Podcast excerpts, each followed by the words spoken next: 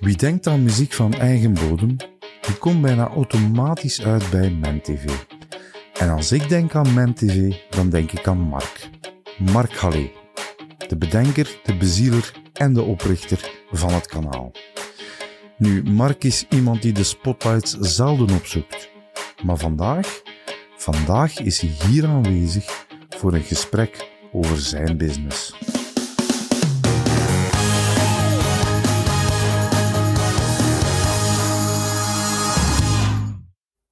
Dag Mark, welkom. Dag Christophe, dankjewel. Zeg, um, als ik naar LinkedIn kijk, als ik naar Facebook kijk, ik zie heel veel beweging bij Ment. Vertel. Ja, er beweegt nogal wat. Dat klopt. Um, we zijn tien jaar geleden gestart, een dikke tien jaar geleden. Um, ja, er, er, er, er is heel veel geïnvesteerd in uh, studio's, in uh, nu bijkomende studio, Blackbox. Uh, er is een project geweest met, met Flyo, een innovatietraject dat wij doorlopen hebben. Dus er is ehm, geïnvesteerd geweest om op een zo efficiënt mogelijke manier programma's te maken. En toch heel dicht bij de core business te blijven. dat betekent dat je heel wat live programma's ook kan doen met één iemand in de studio, de presentator, en al de rest gaat letterlijk vanzelf. Dus uh, er is uh, heel hard aan gewerkt. Dat betekent ook dat je, dat je heel snel kunt nieuwe dingen implementeren, nieuwe programma's kunt implementeren, uh, gasten kunt uitnodigen in de studio voor babbels. Um, en dat beweegt, dat, dat zorgt ook voor die beweging. Hè. Je leest om de haverklap, die is geweest en die is geweest. En heel veel bekende koppen, programma rond theater en musical, affiche, waar je weer een hele andere groep ehm, mee aanspreekt. Maar er blijft altijd wel die, dat gevoel van die showbiz, die celebwereld, die, die muziek. Maar toch een beetje aan het verbreden, precies. Maar toch heel duidelijk aan het verbreden. Uh, die verbreding is eigenlijk ingezet in 2019, uh, eh, november, hè, toen uh, Jan Jambon, minister-president, de, de Witte Studio, de Studio 3, heeft geopend. Op 2019? Die schaalt zijn derde jaar in? Ja, maar het was net het einde. Het was net het, het einde van 2019. Um, en toen, uh, toen hebben wij ook Ment Prime gelanceerd en Sorry Music. Um, dus je hebt Ment, uh, overdag, vanaf vijf uur heb je Ment Prime. En dan heb je af en toe een blok Sorry Music, een beetje het equivalent van de foute muziek. Uh, sorry, but no sorry. Dat is de echte ambiance muziek. Hè. Uh, zowel voor mensen die van die ambiance houden als studenten zijn er compleet gek op. Dus dat is die verbreding, hè, daar een stukje tot en met jonge mensen doen. Met Prime is eigenlijk vooral uh, Vlaamse pop als, uh, als kenmerk. De, de de Camilles, de, dit segment van de, van de muziek.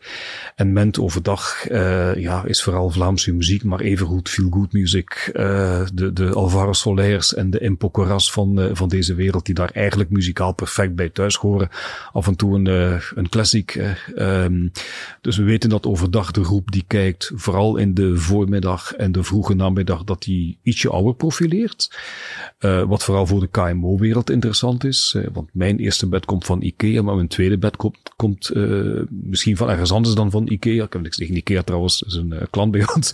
Maar bedoel maar, er zijn bepaalde producten. Uw eerste auto is een, is een kleine auto. Uw tweede is misschien dan, of uw, of uw auto op je 50, 55 is misschien wel een, een BMW of een Mercedes of whatever.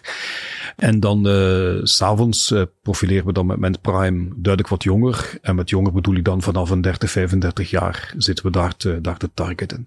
Dus dat is inderdaad die verbreding uh, die vooral tot doel heeft om enerzijds die KMO-markt aan te spreken en anderzijds ook die klassieke reclamemarkt die vooral werkt op VVA 1854. Vanaf 55 ben je niet veel meer waard voor de klassieke reclamemarkt. Jij dus nog wel, heb ik begrepen, maar ik ben dus compleet big zero voor die markt. Maar bij Ment blijkbaar wel.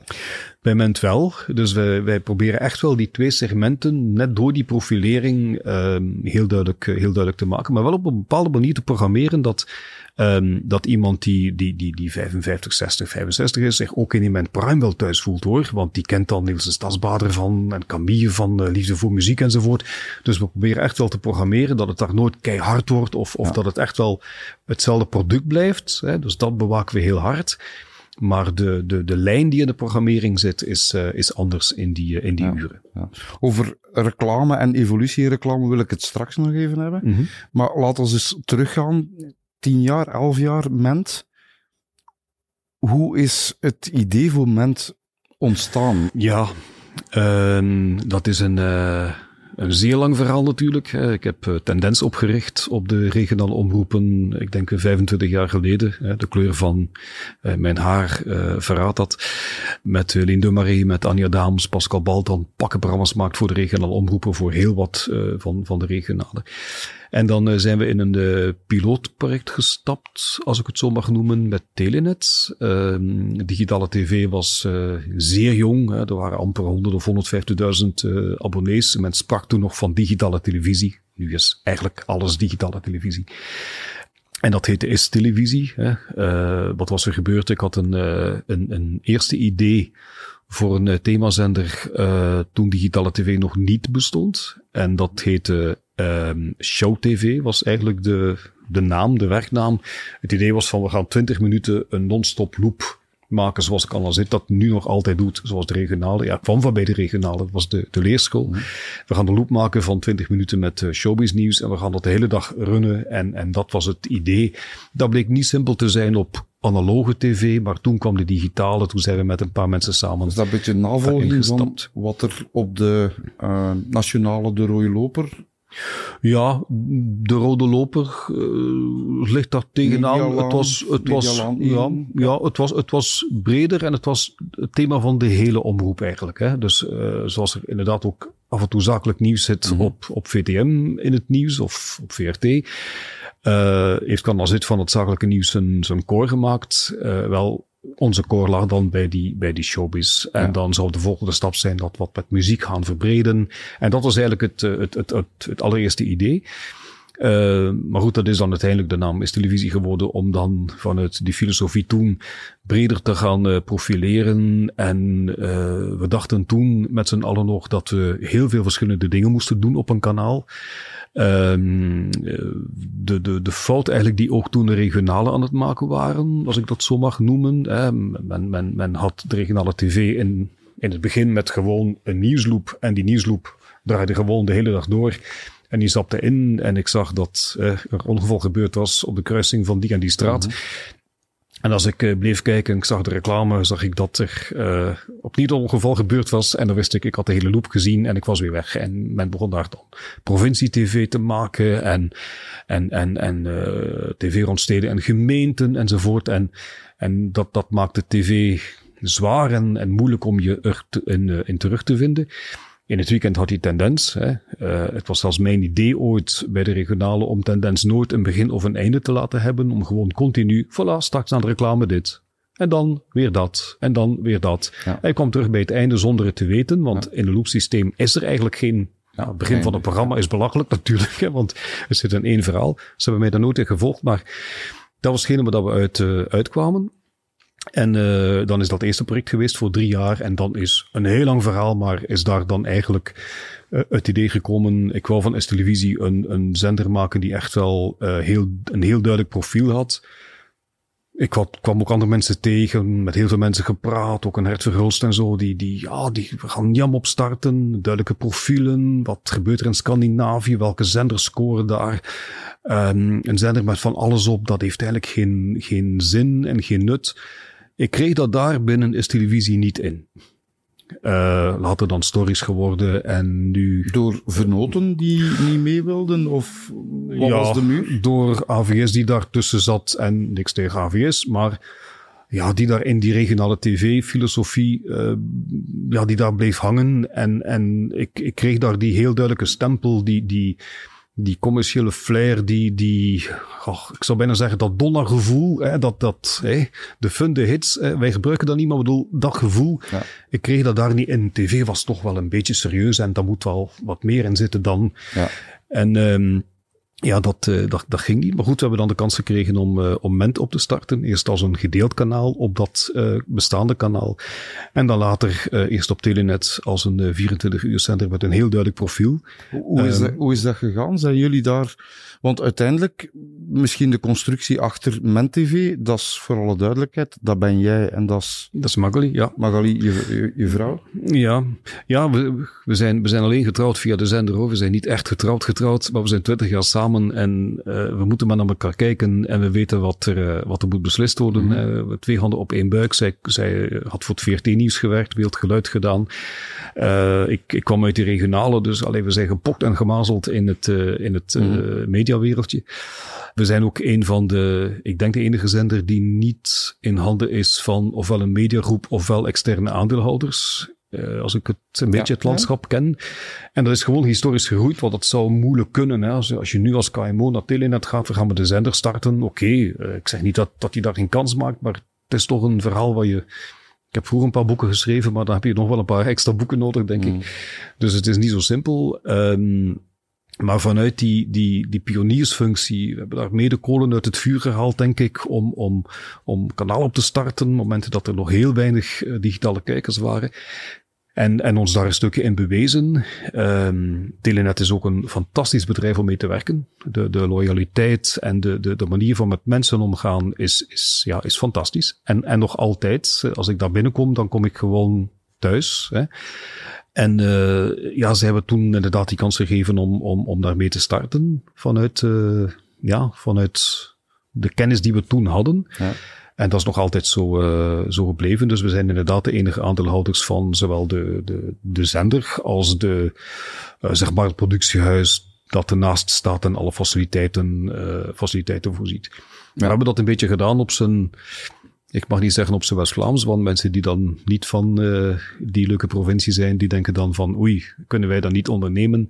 Maar een beetje vanuit die gedachte van, van oké, we gaan een gebouw kopen, we gaan een studio bouwen, een kleine studio, we gaan een groter studio bouwen, we gaan organisch groeien, hè, waardoor dat we eigenlijk nooit Um, we hebben heel veel geïnvesteerd hoor, maar zonder dat we ons echt moeten pijn doen en, en echt uh, kijken met mensen van waar liggen de, de, Waar liggen de, de, de raakvlakken en waar kun je een win-win uh, in creëren? Hè? Mensen die bij ons mm. presenteren, die, die, um, ja, die moeten niet als een verdette uh, betaald worden, maar die worden wel als artiest mega populair om in die doelgroep te werken. Een aantal mensen hebben niet door ons, door een eigen talent in, eerste, in de eerste plaats, maar wel door de exposure die ze bij ons hebben als zendergezicht echt wel een carrière gemaakt. Hè. Als een Herbert Verhagen, die ook voor Radio 2 werkt, maar als die, als die voor corona meer dan 200 optredens per jaar had, dat komt door wie hij is en door zijn talent, maar ook door de exposure in de juiste doelgroep. Uh, Evelien Canotti, die, er zijn pakken, pak andere mensen die, die echt wel op die kar gesprongen zijn. Maar ook veel en, trouwe soldaten, hè? Heel trouwe soldaten, ja. Alleen soldaten, ik vind dat geen soldaten. maar, maar mensen die, die die, die echt wel mediezender sturen, daar, daar, daar dagelijks als op een, op een podium komen van het publiek. Als je, als je zegt van, heb je mijn nieuwe single al? Ja! Iedereen heeft die natuurlijk gezien, want dat zijn dan weer die, eh, die kijkers van, van de zender. Mm -hmm. Nu, ik moet daar ook, ook een kanttekening mee maken. Um, voor die mensen, en binnen die wereld, zijn dat hun kijkers. Natuurlijk, het profiel van de zender is veel, veel breder dan de liefhebber van de Vlaamse muziek en de mensen die naar evenementen gaan met Vlaamse muziek. En dus in die belevingswereld is dat die groep en die is daar onwaarschijnlijk trouw, dus die voelen daar die, die, die boost. Maar natuurlijk, wij profileren echt als een product dat gewoon opstaat, dat, uh, dat je als radio kan opzetten. De leukste radio zit in je tv. Hè. Ik, ik had plots het idee van, ja, als wij nu, uh, als mensen niet per se moeten kijken, maar het gewoon als radioproduct kunnen opzetten, dan, uh, dan stijgt uh, ons marktaandeel. Want uh, marktaandeel, dat is uiteraard een, een, een, verhaal wat zich afspeelt in het kader van een aantal mensen dat kijkt, maar evengoed het aantal mensen, um, evengoed de tijdsduur van, van, van kijken. Dus als je die kijkduur kunt uitbreiden, en zeggen van, ja, maar kijk, we gaan zorgen dat er nooit storende elementen in zitten. Er is muziek, er zijn live programma's, er is presentatie, er zijn korte babbeltjes, die duren mm. nooit te lang. Ja. ja, dan laat je dat gewoon opstaan. En dat is dan jouw gezel op een, op een zondagmorgen, terwijl je aan het ontbijten bent met de familie. Ja. En, en, en vandaar, die, vandaar die approach. Vandaar ook dat dossier uh, dat we met Flyo gedaan hebben om Um, ja, het one-fade-principe. We kunnen gewoon live gaan ja. en met één schuif. Ik, ik, ik zag er bij Q-Music, ik zag er bij, bij de Madame bij Radio 2. Ja, die zijn met een mengtafel bezig. 538 in Nederland. Ik heb, ik heb een tocht gedaan door heel Nederland, alle radio's bezocht. Uh, ik ben mensen gepraat, gewoon echt een, een geprobeerd om body op te doen. Mm. Hè, op, op dat vlak in die, in die En dat convergentiemodel tussen radio en televisie, want ja, we zijn eigenlijk een beetje de beide. Wat moet wel 100% tv zijn en ook 100% als radio klinken. Dus bij ons hangt de muziek aan elkaar. Er zijn mixpunten gezet waardoor vol, vol automatische muziek aan elkaar hangt. En ik zag mensen zijn met een mengtafel bezig. Ja, dat is niet 100% tv. Je moet naar de mensen kijken. Je moet daar echt in die camera kijken. En, en, en dan ben je tv aan het maken. Dus je kunt dat alleen maar doen als je onder één schuif alles kan bedienen. Ja. En dat was niet makkelijk, dat bestond ook helemaal niet. En we hebben dat ontwikkeld. En dat was een van die, een van die dingen. Dus heel dat verhaal kadert in die approach van mediaconferentie. Ik ben gek op, op, op dat samenspel tussen mediavormen. En kijk naar MTV. Die muziek hangt niet aan elkaar. Allee, de uren dat er muziek is, die hangt niet aan elkaar. Kijk naar Excite, die hangt niet aan elkaar. Dat is een videoclip en die stopt. En de volgende start netjes. Is dat fout? Nee. Maar in die beleving van, van ik ben naar hier gekomen, ik heb tussen Gent en waar we nu zijn, heb ik gewoon de app opgezet via mijn autoradio en ik luister gewoon naar radio. Ja. Dit, dit hangt als één geheel aan elkaar. Ja. Want daar is keihard aan gewerkt, hè? want in het begin bloed, bloed, zweet en tranen. ook anders, hè?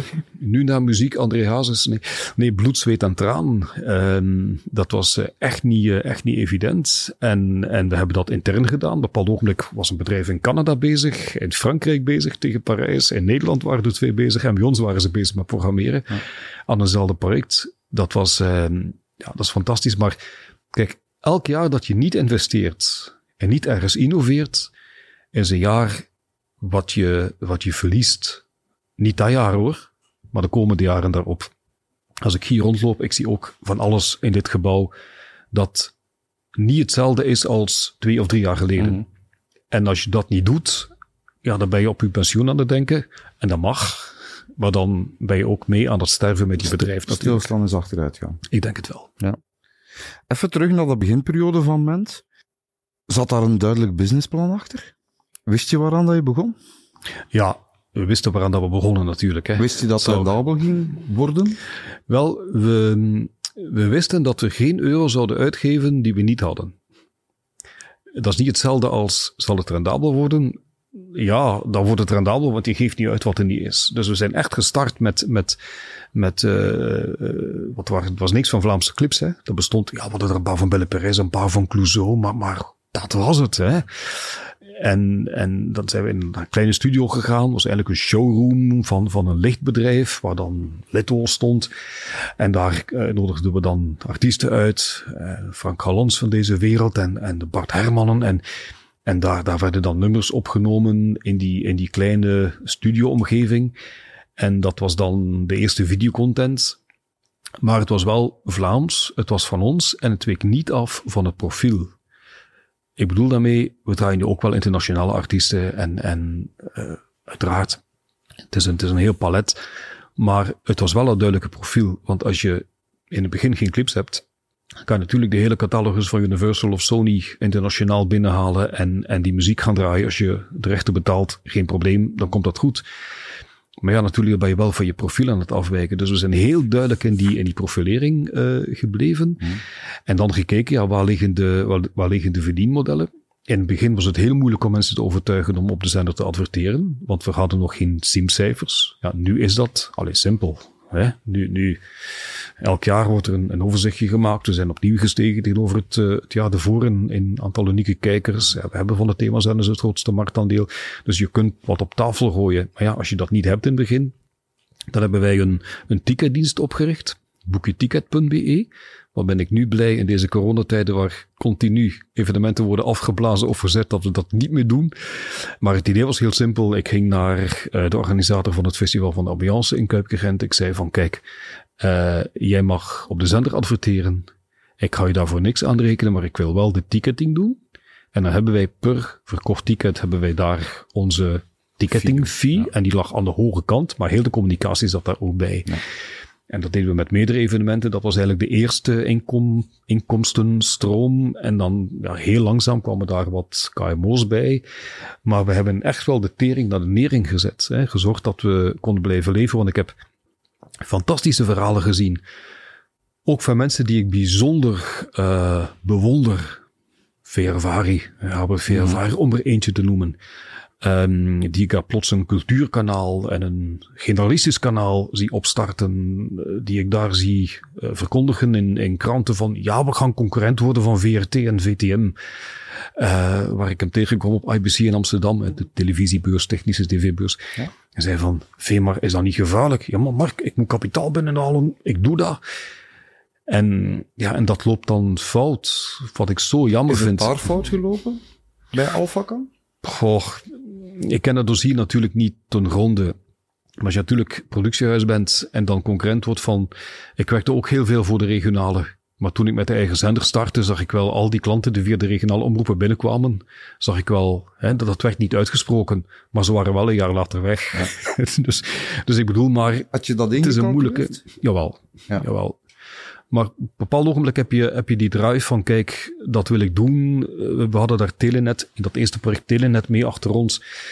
En, en, dan, en dan zeg je van, ja kijk, als we nu de kans hebben om met zo'n partij uh, dit te doen, uh, ik heb er ook dag en nacht voor gewerkt hoor, maar dan, dan mag je dat, ja, ik moet daar niet aan twijfelen, moet dat gewoon doen. Ik had ook een partner natuurlijk die, die ook uit een ondernemersfamilie komt, die, uh, die weet dat het niet gek is dat je, dat je investeert en dat je, dat je dingen opzet. Maar wat we niet gedaan hebben is gezegd, oké, okay, we gaan hier een uh, externe aandeelhouders binnentrekken. We gaan een hele pot geld verzamelen. We gaan die dan zo snel mogelijk uitgeven aan, aan dure programma's. Want duur tv maken kan iedereen, hè? dat is niet moeilijk. Hè? Ik kan, allee, no problem. Dat is geen probleem. geen probleem. Um, we gaan toch ervoor zorgen dat het acceptabel eruit ziet. Hè? Dat het echt mm -hmm. wel nationale tv is. Maar we gaan we gaan een babbel doen in de studio. En die gaan netjes zijn, maar we gaan geen grote show doen die we nu kunnen doen. Ja. Ja. En dan van daaruit is dan langzaam dat verhaal gestart. Dan is transfer gekomen, hè? Een, een, een, dochter van Fox. En die is niet nu, hè? die de reclameregie doet van nogal wat, uh, nogal wat omroepen, nogal wat uh, themazenders. Um, dus dan zijn de kijkcijfers gekomen. Dan, alleen, dan is daar op die basis gegroeid. En dan merk je dat de KMO ook gemakkelijker adverteert als ze al die grote merken op tv zien. Ja. Dat heeft een soort aanzeg-effect. Ja. En dan zeg je van, ja kijk, we hebben zo'n bereik op maandbasis, uh, we hebben dit marktaandeel, uh, we hebben die doelgroepen. En je zit in hetzelfde gezelschap van, ja, je hebt echt wel de spot van Suzy Wafels en die van Volvo en, enzovoort. En, en dan komt uw spot. Dus je zit echt wel in dat gezelschap en dat geeft een bepaalde geloofwaardigheid. Uh, ja, dat is toch groter dan je denkt hoor.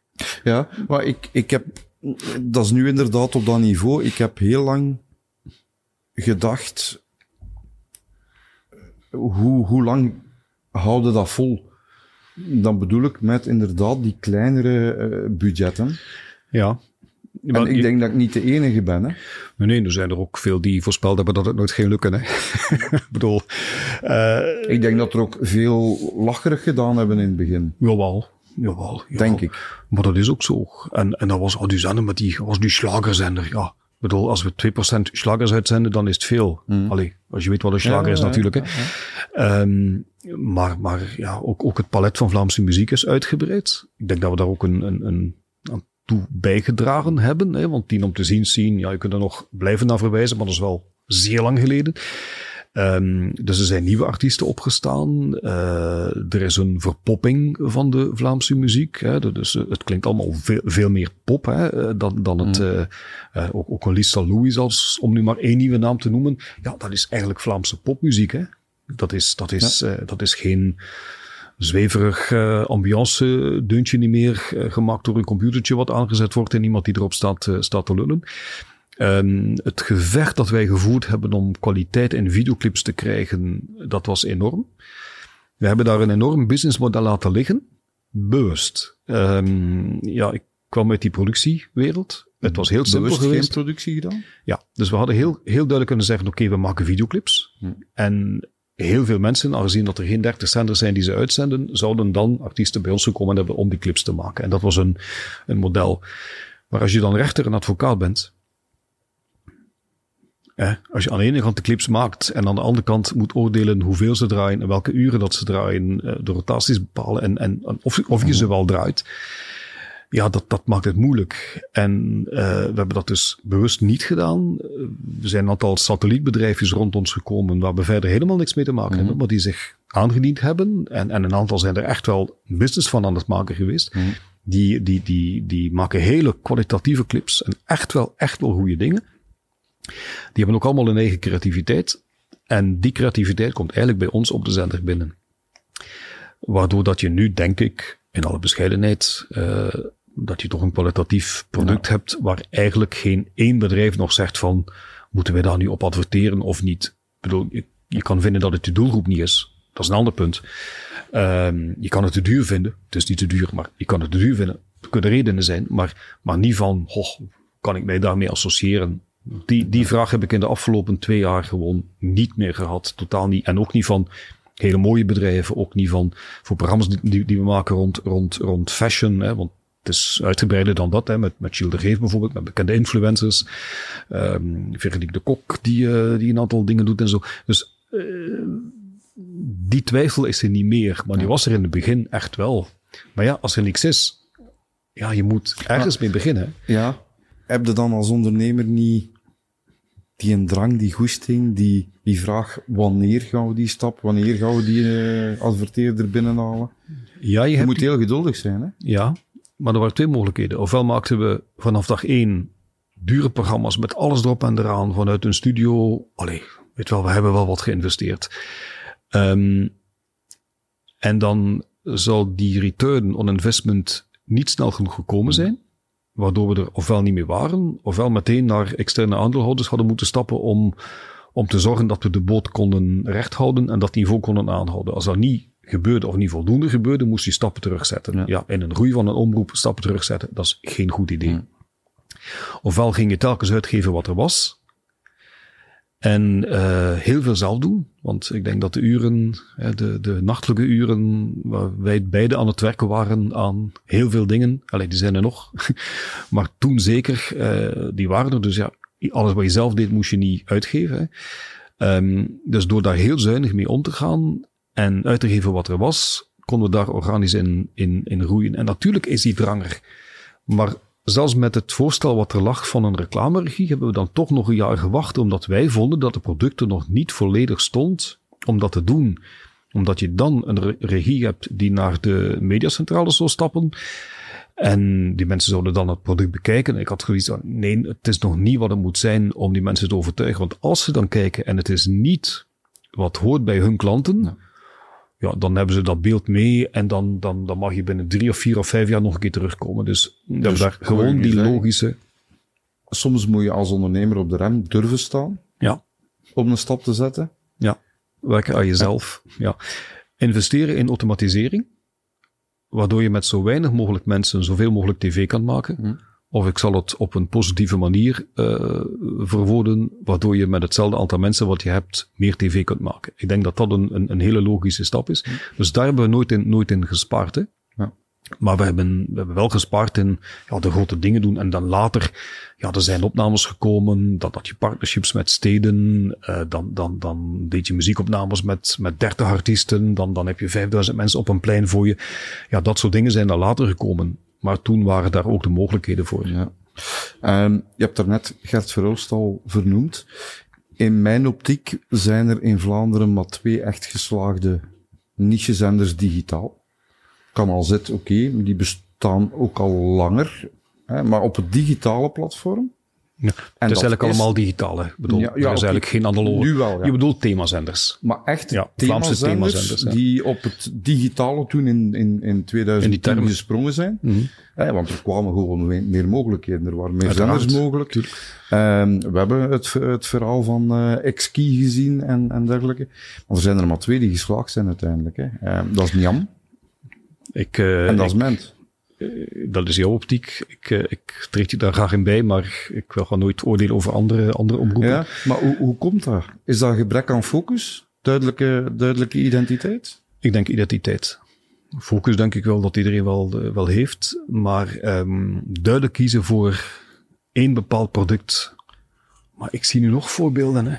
Een beetje oldies, een beetje lifestyle, een babbeltje over whatever ja, dat is leuk. Je zapt een keer voorbij en je kijkt twee minuten, maar, maar, maar waar is die eenheid? Dan hebben we het over TV+. Wel, Ik heb niks tegen die mensen. Ik bedoel alleen maar, ik zie daar geen eenheid in. En ik wilde niet oordelen over de collega's. Van, jij noemt nu zelf die naam, ik had hem niet genoemd. Hè. Maar, maar ik zie daar die eenheid gewoon niet in. Ik, ik, ik snap niet waar de, waar de, Mhm. waar de vork en waar de steel eh, zich, zich bevindt. En ja, dat heeft Jan wel. Jan heeft een heel duidelijke visie Mhm. eh, vanaf dag één. Jan heeft een, een, een breder model dat zich ook online afspeelt. Als ik wil eh, iets maken, dan google ik de naam van het gerecht wat ik wil maken en dan kom ik ofwel bij Joram Meus terecht in eerste instantie, ofwel bij, bij Jan. Ik heb een filmpje, ik heb recepten, ik heb... Ja, dat is prettig. Dat is ook content die een blijvend karakter heeft, wat voor ons een moeilijke is in de VOD-omgeving. Maar voor hen, ja, witloof, witloof in ham met eh kaassaus. Ja. Dat zal binnen vijf jaar nog witloof in ham met kaassaus zijn. En dan kan Peter Gosses dan een, een, hele, ehm, eh, een hele bijzondere versie van maken. hè, of Ja. een, eh, een hey, hoe noem je dat? Hoogcuisine, whatever, versie van maken. Maar dat blijft wel witloof in ham met, met kaassaus. Ehm, dus dat, dat, dat smeert zich uit en dat is een duidelijk model. Ik denk dat wij dat ook hebben. Wij zijn die radio op tv met wat lifestyle tussen, wat weetjes, wat nieuwtjes, maar de muziek is daar echt wel de, de, de, dragen, de drager in, eh, in dat verhaal. En ik zie dat bij niet zoveel zenders, zie ik dat. Oké, ik vind plattelands, ik kijk ook heel vaak eens naar plattelands. Ik bedoel, ik, om niet te zeggen, er zijn er maar twee geslaagd. Al, ik vind dat nu ook wel niet helemaal juist. Maar ik kijk met plezier naar plattelands. Ik kijk ook wel eens naar Klopt. clips. En, en oké, daar zit, zie ik de eenheid wat minder gestructureerd. Maar oké, er er is een, er is een, eh, we zijn ook goed bezig trouwens. Eh, Plattelands, plattelands, om nu even daar, die doen ook aan zenderdeling. Hè? Ja, er zijn eigenlijk drie thema's op, eh, Op één ik kanaal. hoop dat ik het nu juist zeg, anders zal die directeur, eh, Diederik, mij achter, de, achter de veren zitten. Ja, er zijn drie, drie thema's op één, op één kanaal. Ja. Ja. Maar ze zijn wel aan elkaar gelinkt. Het heeft wel met dat plattelandsleven te maken. Dus ik denk dat dat echt wel een, een verhaal is wat, eh, wat gaat breder. Het gaat naar toerisme, het gaat naar... Dus ik vind het echt een zender waar ik echt wel graag bij, eh, bij blijf plakken. Ik, ik, ik blijf bij, bij veel zenders plakken hoor. Echt wel. Ehm, maar een eenheid en een structuur en weten waarvoor je staat, ik denk dat dat een, een basisvereiste is van een themazender. Ik bedoel, de generalisten, dat zijn de dagbladen. Mhm. De themazenders, dat is, ja, is dat nu ofwel een, een, een magazine rond, eh, rond paardensport, of is dat nu de story, of is dat nu de allemaal, of is dat nu, maar dat zijn die, die themabladen die in de krantenkiosk liggen. Ja, als je dan als themablad ja, 17 thema's en je bent en story en het blad van de visserij en het blad van de paardensport en het blad van de showbiz en het blad van, de, van de popmuziek. Ja, dat kan niet, want die doelgroepen Nu, dat zijn dingen die we bij de regionale inderdaad ook gezien hebben. Ik heb- Je had provincie-tv, je had steden-tv, je had dag-tv. Ik snap wel dat die mensen ook betaalden om daar tv te maken, dat er ook inkomsten van kwamen. Ja. Ik zeg dat alleen vanuit een zenderprofilering, Vanuit een kijkersperspectief. vanuit een kijkersperspectief. Dat die steden, gemeenten betaalden en dat ik dat misschien ook had gedaan, was een ander verhaal natuurlijk. Ja, klopt. Nu, ehm, maar we hebben, het, we hebben ook gezien dat het niet werkte. Hè? Het werkt niet. Nee, En dat hebben ze ook gezien. ja.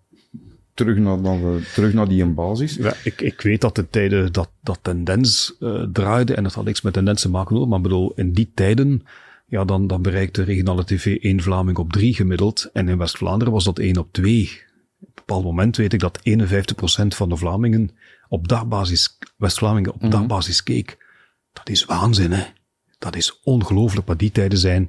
Je hebt nog wel een paar sterke hoor. Al ik ga nu niet beginnen met namen noemen, want dat is zo, eh, wie ben ik? Maar je hebt nog een aantal sterke regionale omroepen, maar je hebt er ook die, die echt niet goed weten van welk hout pijlen gemaakt. Ik denk dat, dat regionale omroepen een afslag gemist hebben op de, op de nieuwsautostrade. Ehm, wat doen kranten? Eh, laatste nieuws, de morgen, ander ook. Je hebt online het snelle nieuws, terwijl het gebeurt, bij wijze van spreken. En dan heb je duiding, uitgebreide reportages in de morgen die je in de bus krijgt. En dat is logisch.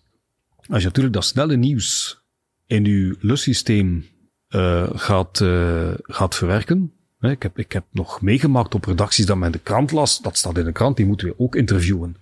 Maar zo ging dat dus. Allee, ik spreek nu wel niet over nu, dat is een tijd Nee, geleden. het- Ik heb twintig jaar geleden hetzelfde gezien. Maar dan ben je gewoon uren achter met het nieuws. Als je dat dan een keer, oké, dat is wel bijgespijkerd, maar als je dan natuurlijk nog een keer gaat, ehm, gaat, eh, gaat die informatiesnelweg hebben, het internet. En als je dan kranten hebt die niet op ehm, lokaal nieuws inzetten, maar op zeer lokaal nieuws, op gemeente, op gemeentevlak, Nieuwsblad bijvoorbeeld, eh, was daar denk ik een van de eerste van als ik het eh, gevolgd heb.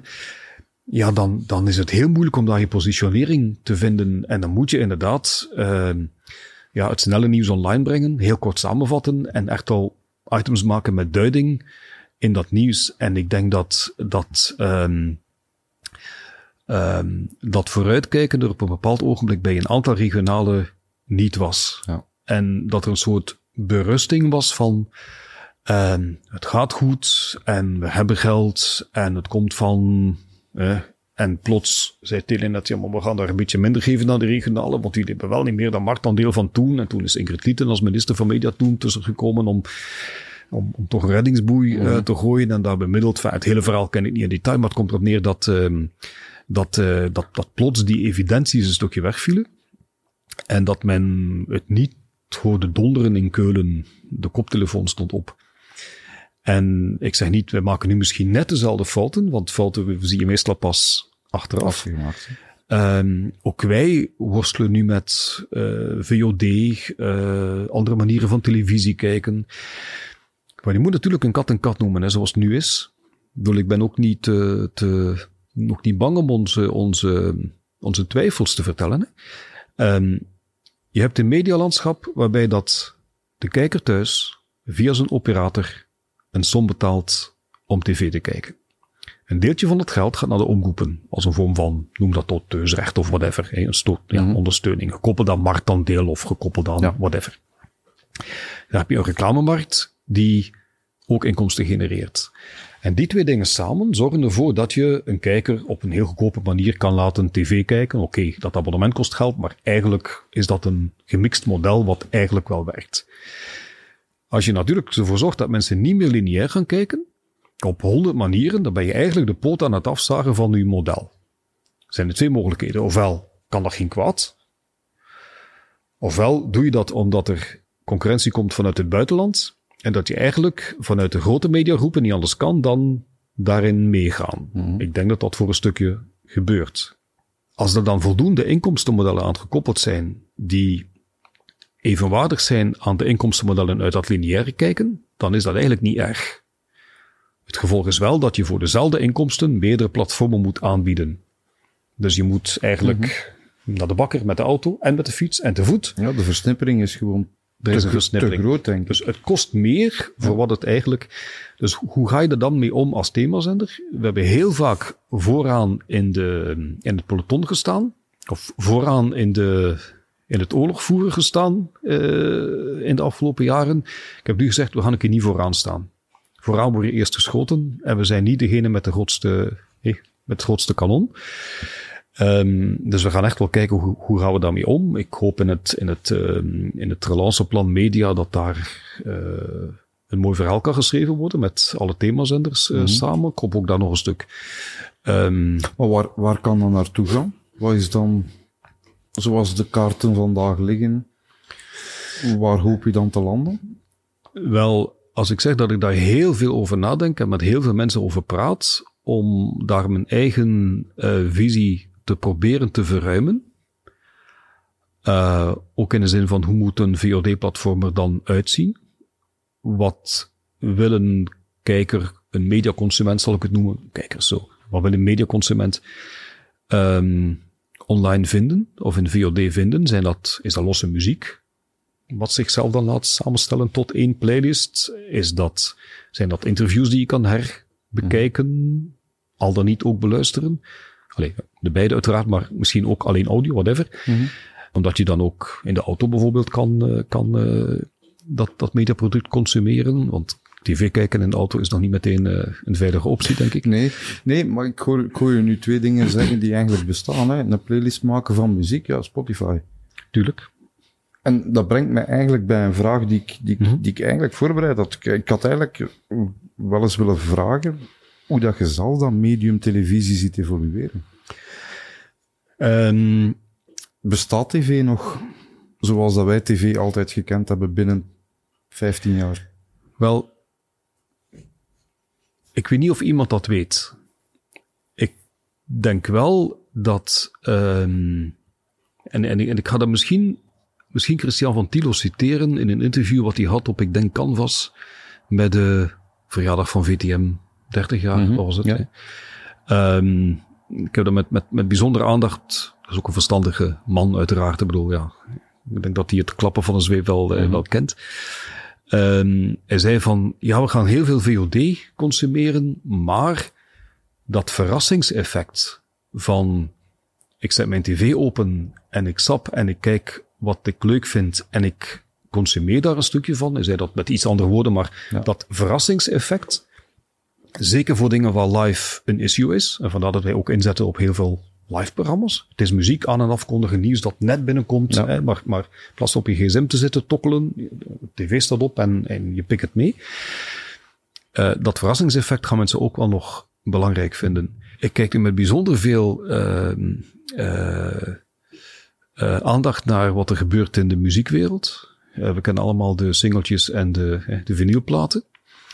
Eh, alles is digitaal geworden, met onwaarschijnlijke mogelijkheden. Sublieme geluidskwaliteit, Spotify-lijsten, whatever. En wat is er populairder dan ooit? De vinyl. De vinylplaat. Ja. En wat lees ik net vandaag nog trouwens, of gisteren in, eh, ik denk de morgen, ja, dat ook de, de, de CD terug aan opgang eh, doet. Ook terug populairder wordt. Voor het eerst zijn er meer CD's verkocht dan het jaar daarvoor. Ehm, Maar waar, Dus mensen- waar vinden nog de cd, vraag ik me af. maar ja, ik bedoel, eh, je kunt ze ook online bestellen. hè. Ja, ik heb niet gezegd dat de mensen daarvoor hè. naar een CD-winkel gaan. de Eh, CD-speler, een Mediamarkt heeft er nog. eh, ja, CD-speler. Ik heb er nog eentje. In een van de auto's zit er nog eentje. Dus eh, ik zeg niet omwille van die CD, maar ik bedoel maar. eh, we zijn nu heel hard gefocust op de Netflixen van deze wereld. Mhm. We gaan series kijken, we gaan ons eh, eh, allemaal naar elkaar. Ehm, een hele spannende middag en de, de, de hele snelle bevrediging van de, van de behoefte, om het even zo Mhm. Ja, te zeggen, want dat is het eigenlijk. Hè. Terwijl als ik op tv kijk naar, eh, naar Undercover, en ik vind dat een bijzonder spannend gemaakte eh, eh, serie, Ehm, ja, ik moet wel een week wachten. Ik kan, hem, ik kan hem misschien online al opzoeken, of ik kon hem al opzoeken, maar ik doe dat niet. Ik bedoel, de week, is zondagavond, en is, ah ja, vorige week, ja, oké. Dus dat spannende zit er daar ergens nog wel in. Dus ik denk dat we echt naar een combinatie gaan van, van dingen VOD bekijken, dingen online bekijken. Dat gaat natuurlijk op de gewone tv gebeuren, want dat is allemaal tof, op uw telefoon en op uw iPad. En kun je inderdaad met heel de familie zo op een iPad zitten kijken naar elke eigen ding met een koptelefoontje. Ja, Of je kunt met de hele familie zeggen, kom, het is, eh, het is een programma. Dus ik, ik denk dat we naar die mix gaan, dat je die, dat, dat snel consumeren van, ik wil wel dat korte fragment eh, van, van de slimste mens of die hoogtepunten, ik wil die nu wel zien en die komt die tegen in uw tijdlijn via sociale media en zo. Ehm, of ik ga wel kijken, want ik wil nu wel weten hoe het gaat in de slimste mensen en wie nu al dan niet gaat winnen of wie nu doorgaat naar de finale. En dat wil je dan nu weten en niet nadien een voetbalwedstrijd. Of je moet al voetbalanalist zijn, maar een voetbalwedstrijd die gespeeld is en waar je de uitslag van kent, die bekijken uitgesteld, dat is een beetje dom. Dus ik denk dat, dat we allemaal onze contentstukken gaan afstemmen naar eh, enerzijds kijken van wat willen mensen echt lineair blijven bekijken. Vandaar dat model radio op tv. Zet het op zonder enige moeite. één continue muzieklijn, nooit storend. Eh, één, één heel duidelijk profiel. Nieuwtjes ertussen, mensen onderhouden. Eh, gewoon, eh, er is iemand bij je thuis en ondertussen ben je wat anders aan het doen. Eh, kijken van wat kan in interviews bijvoorbeeld relatief blijvende content zijn. Eh, als je Erik Valoy uitnodigt in HD Misha, eh, dan, dan eh, die komt binnenkort.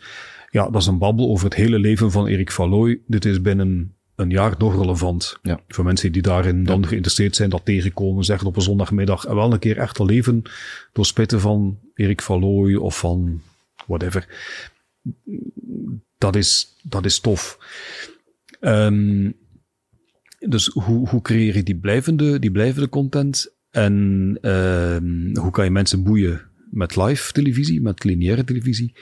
En hoe ga je heel vlug consumeerbare elementen, die dan ook weer teasen naar je live model, dat zijn dan hoogtepunten uit een interview en straffe uitspraken. Hoe, ga je dat, hoe ga je dat doen? De snackables. Ja, Dat zijn ja dat zijn de, de dingen, dingen die je op de social media gooit. ja, eh, dat mensen delen, dat ze leuk vinden, dat ze interessant nieuws vinden. In heel wat interviews ja, zijn er ook dingen die ik dan doorstuur naar HLN. Dan zeg ik, als je wil, nieuwsblad, als je wil, eh, je, mag dat, je mag dat hebben. Dat is een stukje content met, ja, hier wordt een primeur verteld of, of dingen die, die, die relevant zijn. Dus we delen dat ook gemakkelijk. Dat zijn die schnabbels die je, die je heel snel consumeert. Dat is dat fastfood, het fastfood restaurant.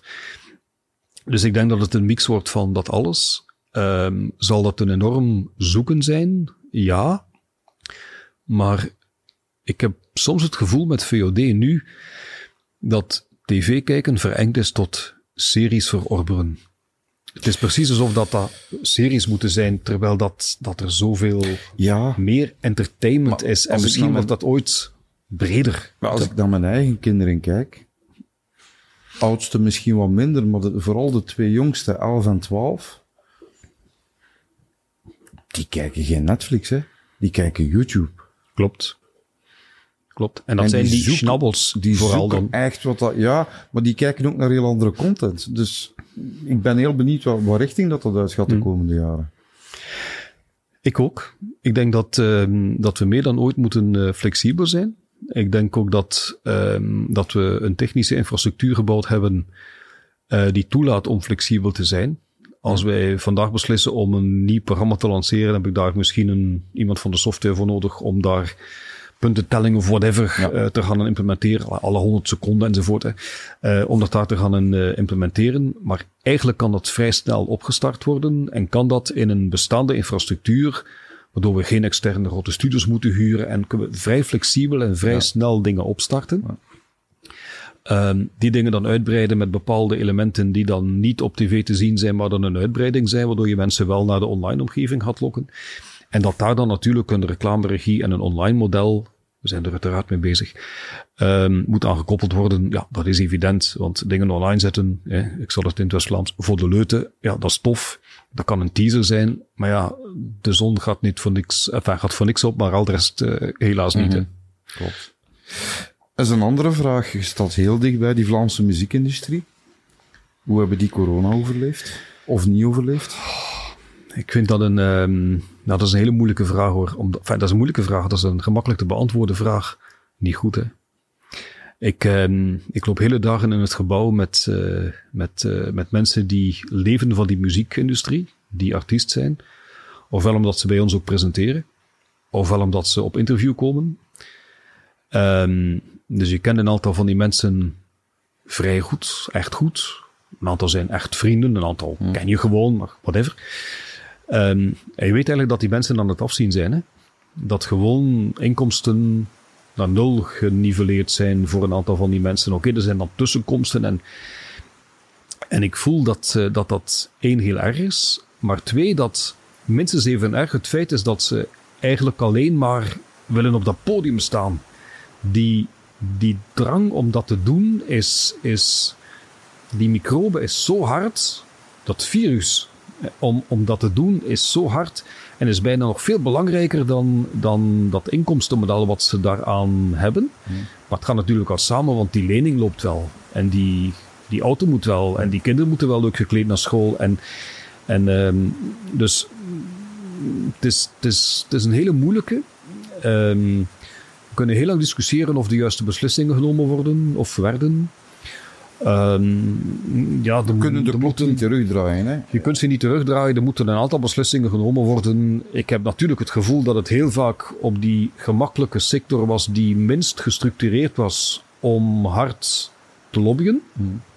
De restauratiewereld, horecawereld, heeft een veel duidelijker en, en, en betere stok achter de deur structuur, lobbymachine, dan de Vlaamse muziekwereld dat Nooit heeft. gedacht om daar een voortouw in te...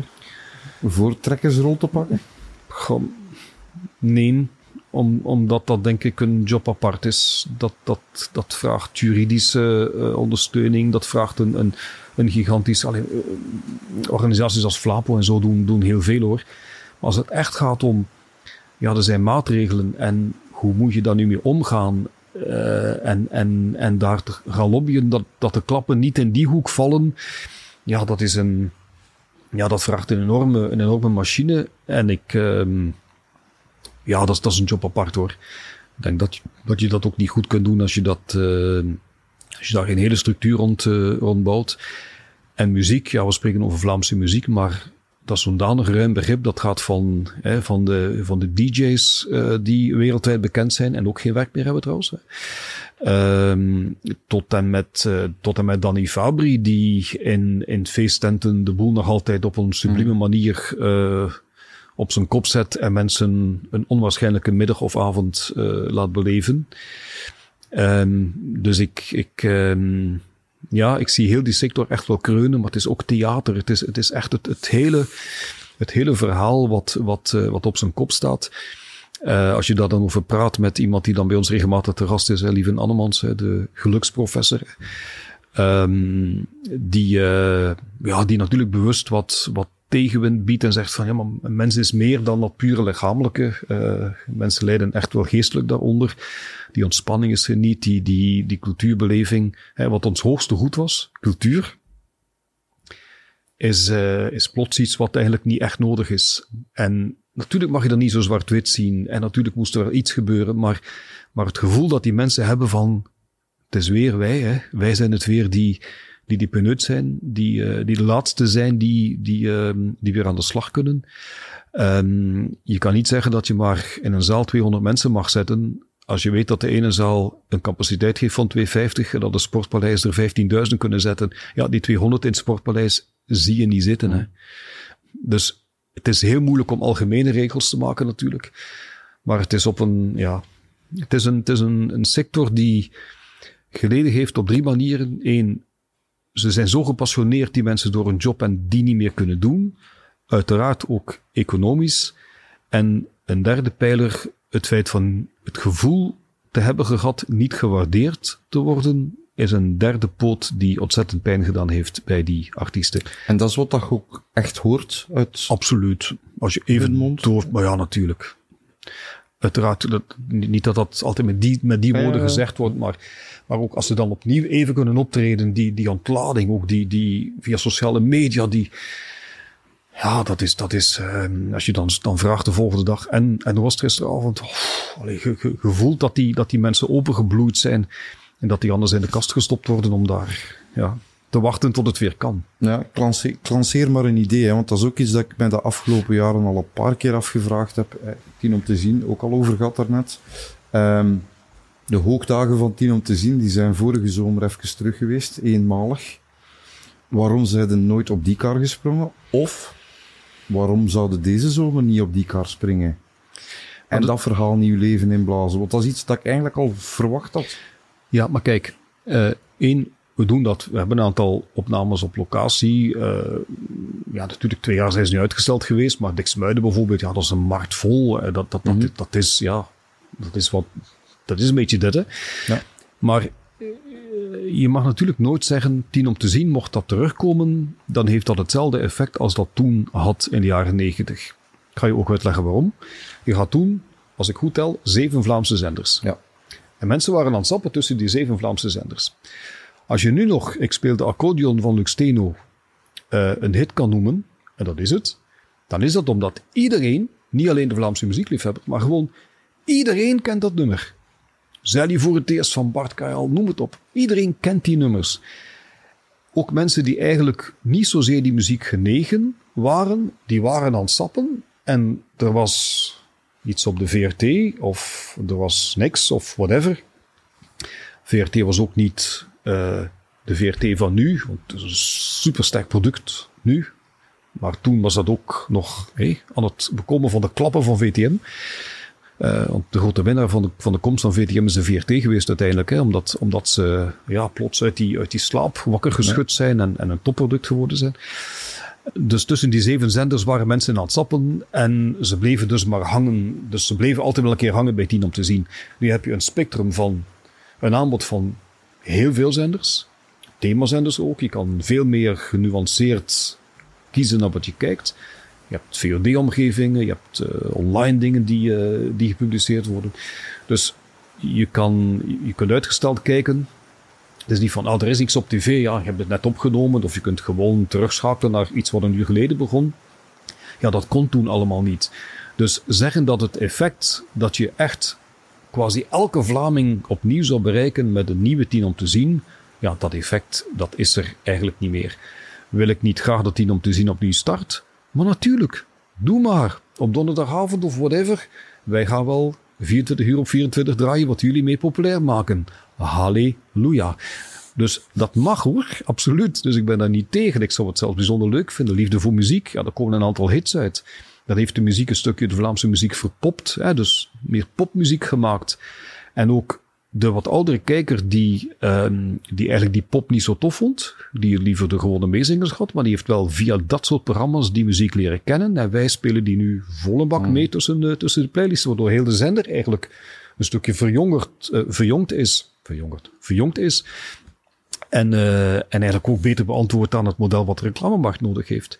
Dus dat is allemaal goed, maar zodat effect van één uur televisie op een, op een week en dat sleurt een hele sector mee, waardoor iedere Vlaming opnieuw bereikt wordt. Op een aantal weken, um, ja, dat effect kan natuurlijk niet meer. Dus mensen die zeggen, oh, dat zal moeten terugkomen. Ja, of dat die een naam is of een andere naam, maar daar gaat het niet om. Dat gaat niet meer dat effect hebben. Zal dat effect hebben? Natuurlijk wel. Maar maak niet de vergelijking met hè, alles was beter toen. Ja. ja, het medialandschap is niet meer wat het toen was. Het is veranderd.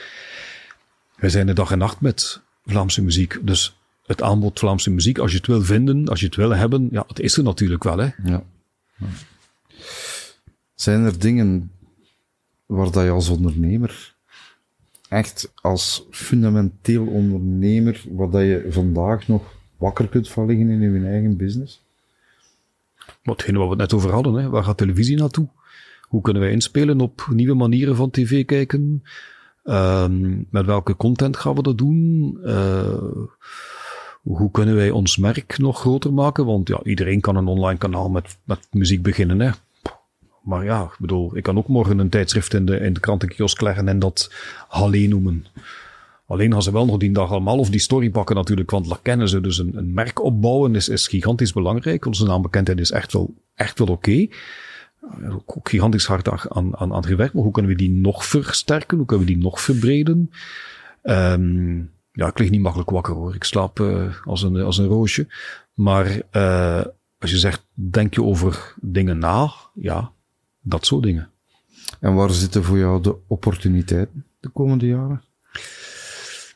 Um, ik denk dat... Uh, uh, dat de combinatie van de investeringen die we gedaan hebben in toch wel, ik zeg allemaal, altijd met enige nederigheid, maar toch wel een hypermodern uh, studiocomplex en, en, en mediagebouw, uh, dat we dat zowel met, met corporate, de corporate business kunnen afschrijven. Dus er komen nogal wat bedrijven bij ons studio huren en die faciliteiten gebruiken. ook voor kleine hybride events. En, en op de zender.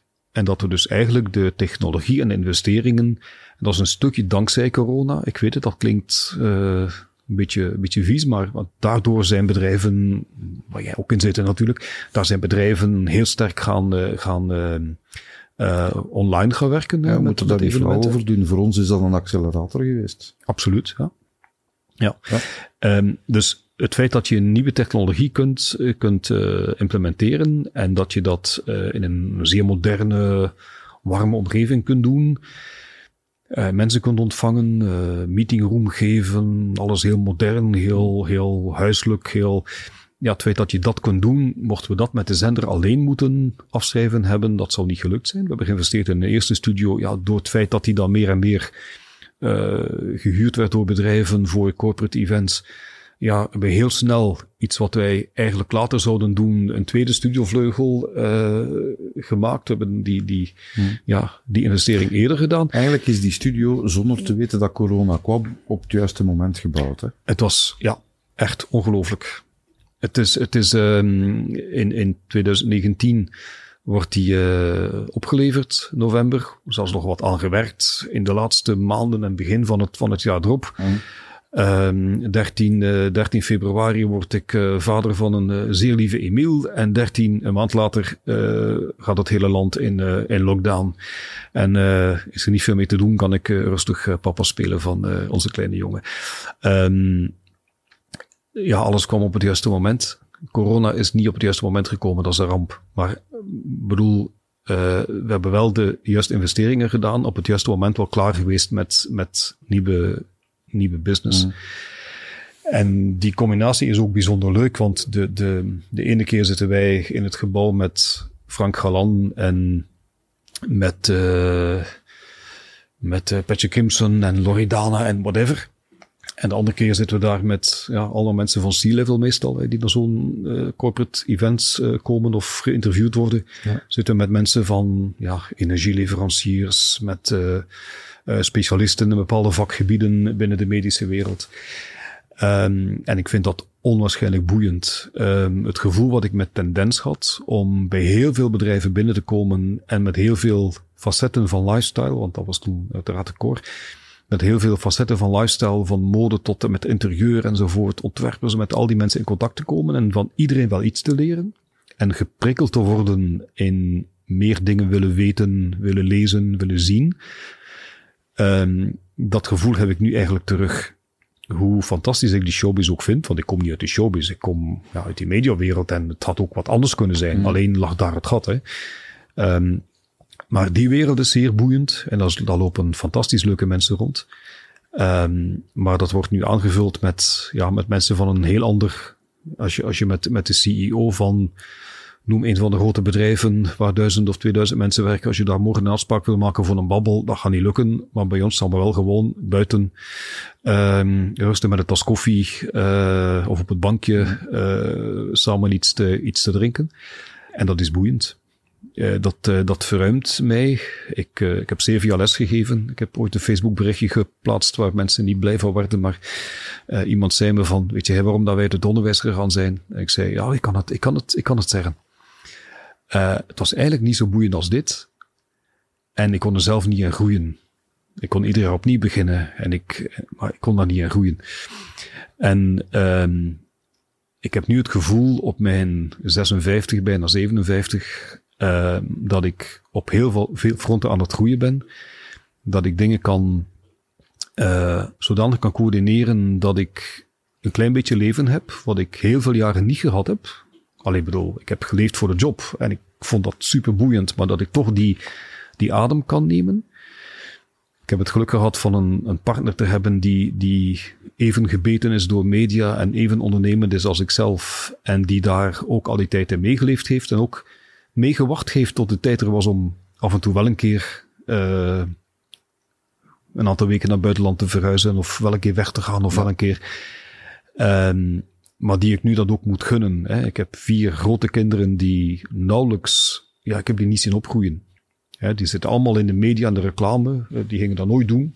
Totaal niet interessant, maar ze zitten wel daar allemaal in. Hè. Eentje in, in, in de KU Leuven, maar dan ook aan het doctoreren in de persuasieve marketing. Dus een heel ander gebied. Iemand anders in de, in de communicatie en, en nog twee anderen in, in de corporate events en, mm -hmm. en coördinatie van, van reclame en brand activation. Dus ze zijn er allemaal in terechtgekomen. Ik heb wel allemaal een zeer leuk contact, een zeer boeiend contact. Uh, ze hebben allemaal een hele leuke partner, want daar moet je geluk in hebben natuurlijk. Maar ik heb ze nooit echt zien opgroeien. En ik zie nu dat onze kleine Emile voor de eerste keer, uh, is bijna twee jaar, uh, ik zeg, ah, um, kijk naar koe, naar de melkbus. En ik zie dat hij, kijk naar koe, een zin zegt met drie woorden. Ja. Dus, hey, de ja. eerste zin al die dingen detecteer ik nu, zie ik nu. En, en die combinatie van te kunnen vader zijn, te kunnen dingen leren van je eigen kleine patat die daar rondloopt. Leren over jezelf, hè, want je moet ook wel een keer geduld leren hebben. En, en aan de ene kant ben je zo de gedreven man, en aan de andere kant moet je dat, die snelheidsknop gewoon afzetten. Hè. Het is zo'n bordje 30 waar je tegenkomt. Als, je, als je de woonkamer binnenkomt, want eh, gewoon hè, op, uh, op slow. Dat, uh, dat kennismaken met ja, die mensen van in die muziekwereld en theater en musical en het hele brede spectrum.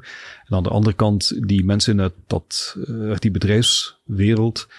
Ja, ik voel me zo rijk op dit ogenblik. En het gaat het niet over het financiële. Het gaat goed door, maar het gaat niet daarom. Maar ik voel me zo rijk op dit moment als persoon dat ik dit een droom vind om te doen. En ervoor niet gehad? Niet gevoeld? Tijden tendens bijvoorbeeld? Wel, Goh, ik heb, uh, ik heb ten tijde tendens, uh, ik heb het ook opgestart van niks, hè. Dat was van doe maar, hè. Um, dus ja, eerste aflevering, budget nul. Dus zoek maar de sponsors, hè. boekentasje naar Kortrijk. Ik dacht dat je dat ging verkopen in de winkelstraten. Dat is totaal niet waar, maar goed, hè. dat was mijn eerste idee. Dus boekentasje mee. Um, dus ik heb al die fasen mee doorlopen, waardoor ik ook commercieel meedenk met mensen die met mhm. creatieve ideeën kom, komen. Um, ik heb altijd die, die enorme drive gevoeld, maar ik heb altijd die hunker gehad om die rust te vinden. En als ik die rust dan even had, opnieuw die ongelooflijke vlam om te ondernemen, om nieuwe dingen op te zetten. Um, Niet kunnen dan, stilzitten? Wel, daar, daar ga je veertien dagen naar Kreta, whatever, om een van de plekken te noemen die ik waanzinnig tof vind om mhm. te zijn. En dan betrap je jezelf dat je die rust vindt en dat je na drie, vier dagen opnieuw aan het, uh, aan het denken bent, je computer opslaat en, en weer wat dingen aan het uh, bekokstoven bent. Um, is dat een soort modus van nooit kunnen rusten? Want dat is mij ook niet onbekend. Het is een modus van nooit kunnen rusten, maar er wel naar hunkeren. Ja. Om het te kunnen doen. En als je het hebt, dan maak je het eigenlijk weer die kapot hoor, maar ga je weer die andere modus in gang zetten. Schuldgevoel? Ja, ja ik, ik, ik, heb het in, in, in, in een gesprek met Edwin Isabel bij ons gezegd. Ik, ik kom niet vaak op tv hoor, maar ja, als Edwin dat dan vraagt voor zijn, eenzaam Maartenbroze mm -hmm. bij ons. Um, ik heb gezegd van, um, ik kan dat uh, goed maken nu, wat ik met kinderen gemist heb. Voor mezelf, maar niet voor hen.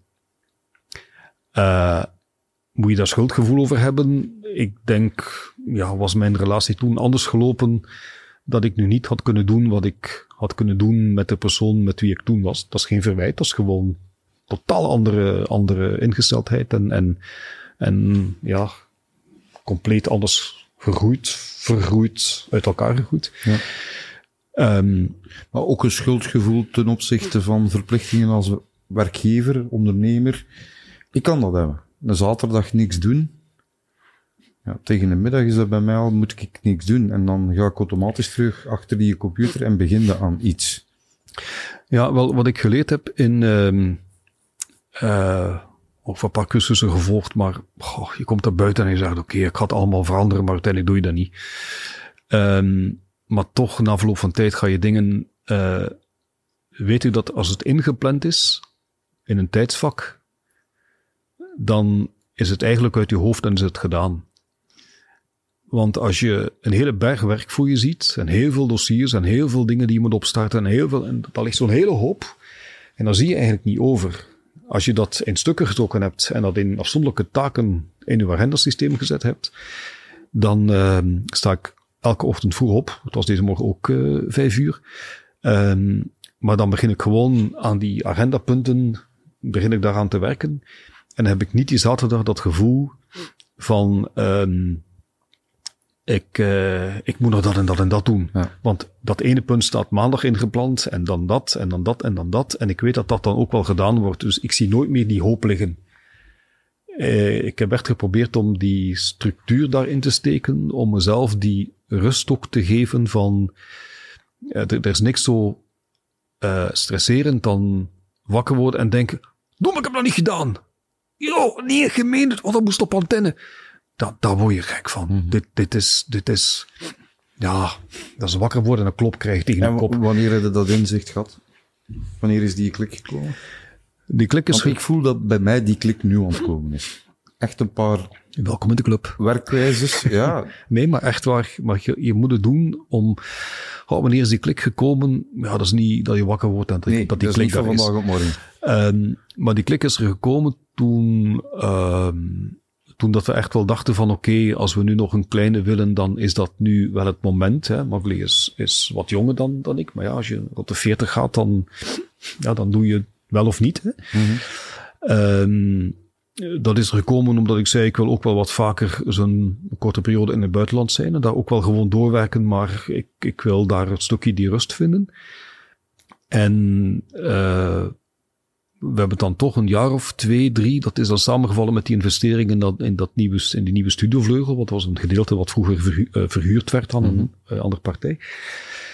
Dus hebben we dan eigenlijk heel, die, heel dat verhaal van we gaan die verbouwing doen. We gaan daar eh, nieuwe technologie implementeren. Dan moest een dossier, Flyo enzovoort, eh, moest daarvoor geactiveerd worden. Heel veel bedrijven, technologie ontwikkelen. Dus daar ben ik keihard voor gegaan. Ehm, maar dezelfde tijd van alles moet van op afstand bereikbaar zijn. Eh, ik moet echt overal alles kunnen zien en volgen. Want je kunt je wel opsluiten ergens aan een, aan een stuk strand. Maar het idee dat, je, dat er misschien iets gebeurt wat je niet wil dat gebeurt. Of dat er misschien een probleem is waar je zou kunnen in helpen en wat je nu niet weet. Want je hebt je gsm voor een dag achtergelaten in een, eh, in een lokker. Ja, dat is geen rust hè. Zorgen dat je zodanig georganiseerd bent. Dat ze eigenlijk niet moeten bellen met een probleem. Zo weinig mogelijk. En dat ze wel weten als er is dat ze mogen bellen. Maar dat je ondertussen wel weet dat alles loopt. Ja, dat is rust. Mhm. U onbereikbaar opstellen. Ja, dat kan iedereen. Hè. Dat, is, dat is de kop in het zand steken. En allee, ik, ik, ik kan mijn kop tussen dat plantje. Zijn die kunststof? Ja. Ik kan mijn kop tussen dat plantje steken en, en, en er is geen, geen interview meer. Ik kan ook niks meer fout zeggen natuurlijk. Bedoel, maar dat is, niet, dat is geen rust zoeken. En ik denk dat, eh, dat eigenlijk heel dat verhaal van, oké, we gaan toch wel, we willen toch wel nog, nog een eh, mannetje of vrouwtje, het is een mannetje geworden van ons. En we willen daar ook wel wat vaker een keer, een keer weg zijn voor een, voor een korte periode. We willen eh, nieuwe technologieën impl- implementeren. We gaan zorgen dat, daar, dat we daarin doorgroeien, dat dat niet de kosten is van het bedrijf. Integendeel. En we gaan daar structuren in steken en zorgen dat dat uh, beter verloopt en dat ik eigenlijk operationeel nog zeer weinig doe. Ik, ik stel nog een quiz samen en ik, uh, ja, er zijn nog wat kleine dingetjes, maar ik ben niet, niet dagdagelijks, schrijf nog heel veel trailers en teksten en zo, dat dat wel nog, maar ik ben niet nodig om de deur open te doen, whatever. Ja. Uh, of, om, of om te helpen camera switchen of, dat, dat hoef ik niet te doen. En, en eigenlijk in, wat heeft toch wel twee, drie jaar geduurd om eigenlijk die switch te maken. En om dan die mentale rust ook te vinden. En die kleine was er niet meteen. Het was een, uh, een langdurig proces. Maar uiteindelijk was die daar. En, en, um, en was op dat moment eigenlijk ook um, dat direct al een heel stukje weg. Zeer raar, we hadden een subsidie aangevraagd bij Vlaio. Uh, Emiel was net geboren. Nu, als er één moment is waar je geen zin hebt om je telefoon op te nemen, dan is het dan. Ja, ik bedoel, hij was een uur, op, uh, een uur op de wereld. En mijn telefoon lag daar omdat ik wat foto's aan het maken was. En hij lag er op dat verzorgingskussen, alles was oké. Okay. En ik zie dat die dame van Vlaio belt. Want ik wist dat ze ging beslissen over dat dossier al dan niet. Ik heb dan wel mijn telefoon gepakt. Hè? Dus ik ik herinner me dat moment nog, hè, want je, je, je onthoudt gevoelens, maar geen, geen feiten. Hè, mm. Maar dit gekoppeld natuurlijk onthoud je wel. En dat was oké, okay, het dossier is in orde. Jullie kunnen daar verder gaan met die, met die innovatie. En dat was net alsof dat heel die puzzel in elkaar viel. Dat daar die de kleine patat die daar lag, die je voor de eerste keer in je, in je handen hebt en zegt van manneke, kijk, beloof het, ik ga voor je zorgen. En dan anderzijds zo dat, oké, dat stukje innovatie, wat eigenlijk die, dat sluitstukje is in die, in dat, in dat traject, dat kunnen we nu echt wel verder doen. En dan um, kunnen we hopelijk die, dat evenwicht tussen toch een stukje gezinsleven, toch met uw kleine patat bezig zijn, een keer met uw andere kinderen eens tijd pakken om te gaan eten of om eens op reis te gaan of af te spreken in, in het buitenland of whatever, en echt tijd te hebben. Hè. Ja, dat was dat plots. Of dat gevoel was dat plots. Nu, dat is natuurlijk theoretisch, want er is altijd wel iets in, het, uh, in het bedrijfsleven. Maar, uh, maar het was wel zo dat sluitstukje, zo van bijna symbolisch, hè, de geboorte van een, uh, van een nieuwe, een nieuwe mark, die, ehm, die misschien wel een evenwicht vond wat hij voordien niet gehad had. Perfect om af te sluiten. hè. Is het al gedaan? Ik, ja. ik, ik- wat moeten we daar nu nog aan toevoegen? De nieuwe mark. Maar ook dat is ondernemen, hè. Werken totdat je erbij neervalt, dat kan. Proberen om een evenwicht te vinden in wat je doet en daardoor eigenlijk beter te ondernemen en meer na te denken over dingen. Mm. Ik denk dat het daar echt wel, eh, echt wel over gaat. Als je nu kijkt naar het traject dat je afgelegd hebt, zijn er dingen dat je in functie daarvan zou anders doen? Vroeger? En als, als is makkelijk, hè? Ja, ja. Was, eh, had mijn oom borsten gehad, het was mijn tante. Ehm, ja, natuurlijk wel. Ik ga je zeggen wat ik anders had gedaan. Ik heb in die begindagen van Is Televisie, en die eh, beginjaren van Ment, hebben we met ontzettend veel mensen samengezeten, ideeën uitgewerkt, dossiers gemaakt. Ook vaak met mensen waarvan ik eigenlijk had kunnen weten dat die mogelijkheden om daar iets mee te doen er eigenlijk niet waren. Dat klinkt nu cru, Hm? maar die soms ook een keer kunnen zeggen, allee, als een artiest waarvan hij zegt, ja, dit, dit, dit is echt, ja, eigenlijk willen we dat niet, maar die vraagt een afspraak om toch een keer, hij werd zodanig geneigd om uw filosofie uit te leggen, dat we, dat we naartoe moeten en, en soms ook zo, ja, wa- waarom leg ik dat nu eigenlijk uit, want, want dit, dit zal nooit iets worden. Dat klinkt arrogant, hè, maar ik bedoel dan niet zo arrogant, maar Ja, maar soms weten we dat op voorhand. Ja. ja, Ja. soms zit het op Ja. voorhand. En, en dan ga je op reis en dan ben je elke dag sta je vijf uur op om een van die dossiers of van die voorstellen of offertes of whatever uit te werken. En om dan trots te zijn, eh ja, we gaan ontbijten, ik heb al dat en dat gedaan. En als u dan nadien een koffer pakte, met al die kaftjes met een grote S op en een punt. Het was het logo. Eigenlijk het logo wat Sportzag gejoept heeft. Hè. Ik bedoel, eh, het is gewoon hetzelfde logo. Ehm, wat Makkeli Antwerpen heeft trouwens. Ehm, zie ik al die kaftjes en dan blader ik erin en zeg ik, van, heb ik dat eigenlijk allemaal gemaakt? En wat is daar nu van uitgekomen?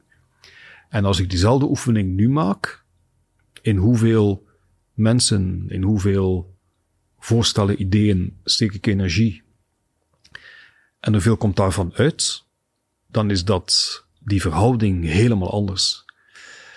Ga je een keer iets missen omdat je niet samen, ja, dat zal wel zijn, maar ja, ten koste van wat, hè? Dus had je dingen anders gedaan? Ja, dat.